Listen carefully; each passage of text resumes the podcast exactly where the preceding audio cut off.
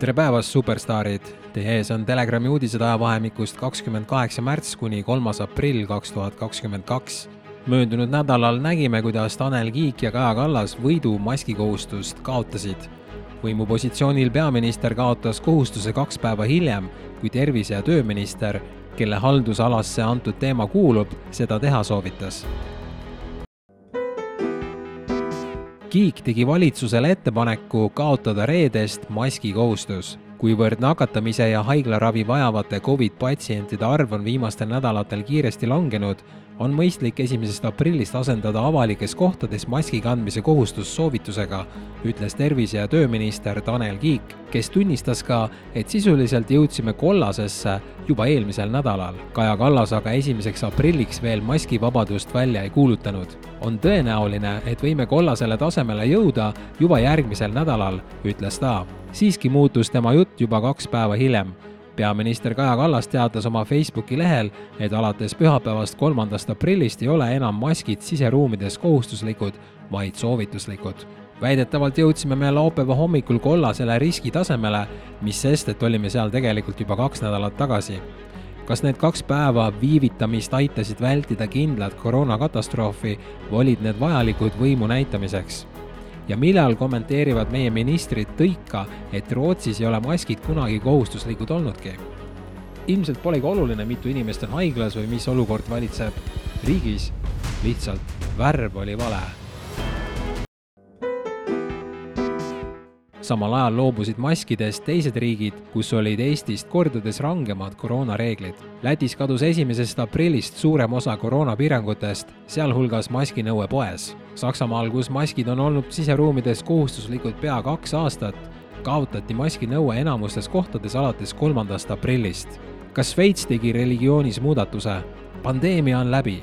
esimesest aprillist lõppesid seal nii maskikohustus kui ka teised koroonameetmed tervishoiuministri Alain Berset sõnul kriis veel läbi pole, kuid pandeemia äge faas on möödas. koroona muutuks endeemiliseks, edaspidi võib ikka ja jälle esineda haiguslaineid.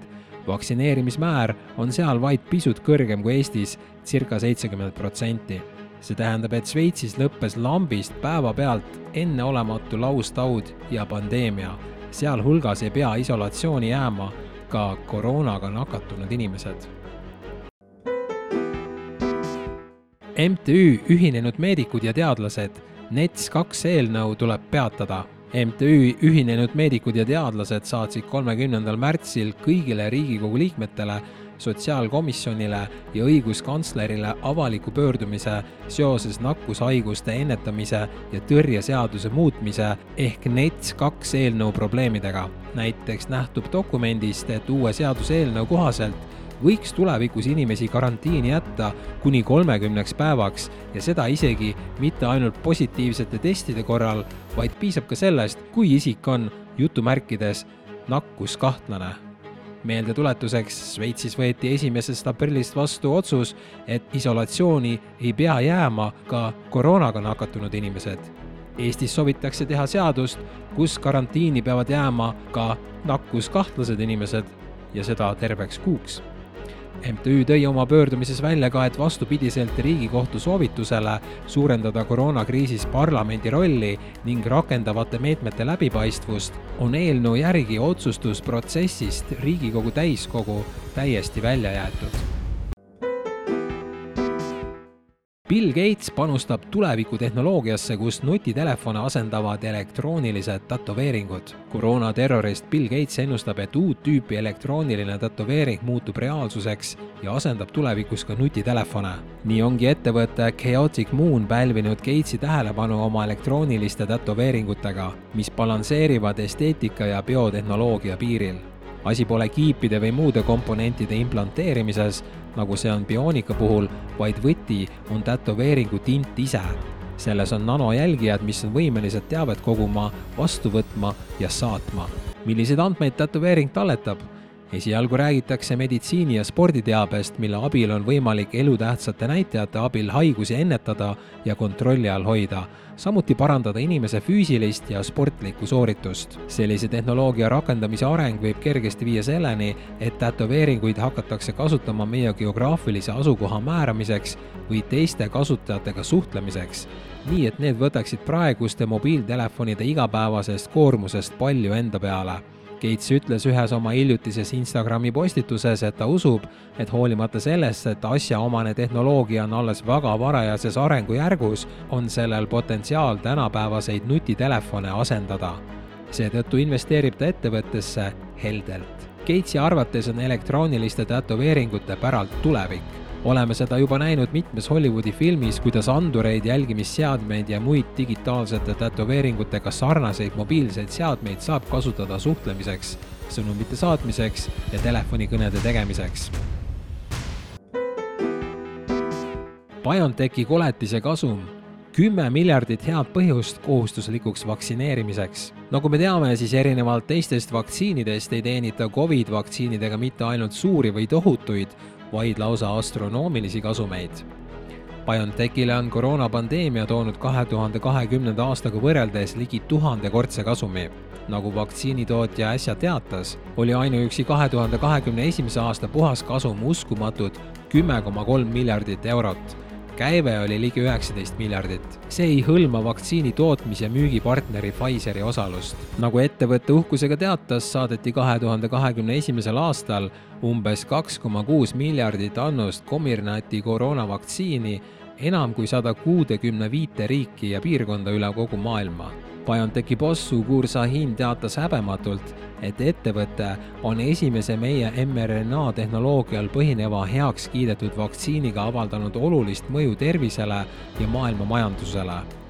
finantsjuht Jens Holstein ütles nii eufooriliselt kui ka eufemistlikult, et vaktsiinide müüki mõjutasid oluliselt käimasoleva pandeemia erakorralised olud. ehk siis lihtsustatult kasumi tekitas terviseorganisatsioonide surve valitsusele, kes tegid otsuseid mitte ohutusest, vaid poliitilisest olukorrast lähtuvalt. kas kellelgi on veel küsimusi? ja lõpetuseks ka huumorit. Meie iga-aastane esimesele aprillile pühendatud uudis keskendus sel korral koroonakriisi vastutavatele isikutele. koroonaterrorismis süüdi mõistetud Kallas, Kiik ja teised valisid karistuseks happetripi.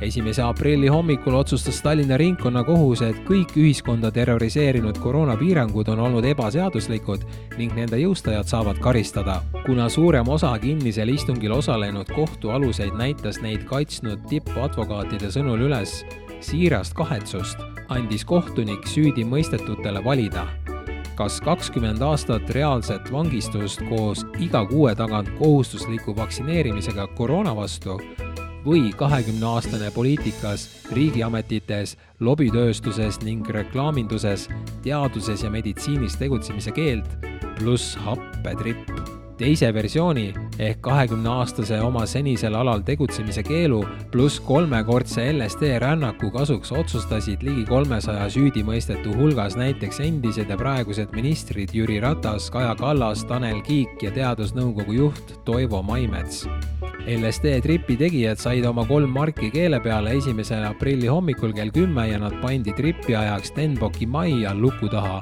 maja sees peavad korda hoidma MEM-cafeed valvanud kollased joped, kelle ülesandeks on ka ukse peal Woldi ja Bolti kullereid vastu võtta maja uksi valvavad nii politsei kui ka kaitsevägi, kellel on keelatud kedagi majast enne esmaspäeva hommikut välja lasta esimese valiku ehk kahekümneaastase reaalse vanglakaristuse ja vaktsiinisüstide kasuks otsustas vaid endine Terviseameti juht Üllar Lanno, kelle sõnul vaktsiinid on palju ohutumad kui LSD.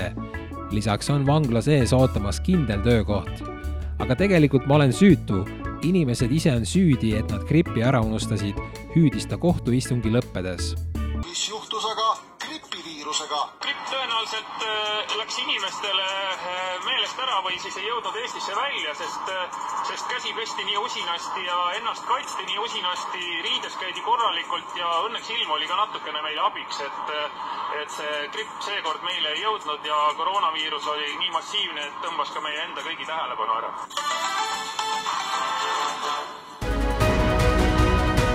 Need olid Telegrami uudised möödunud nädalast. Tule kapist välja ka sina, me kõik teame, et see on hauks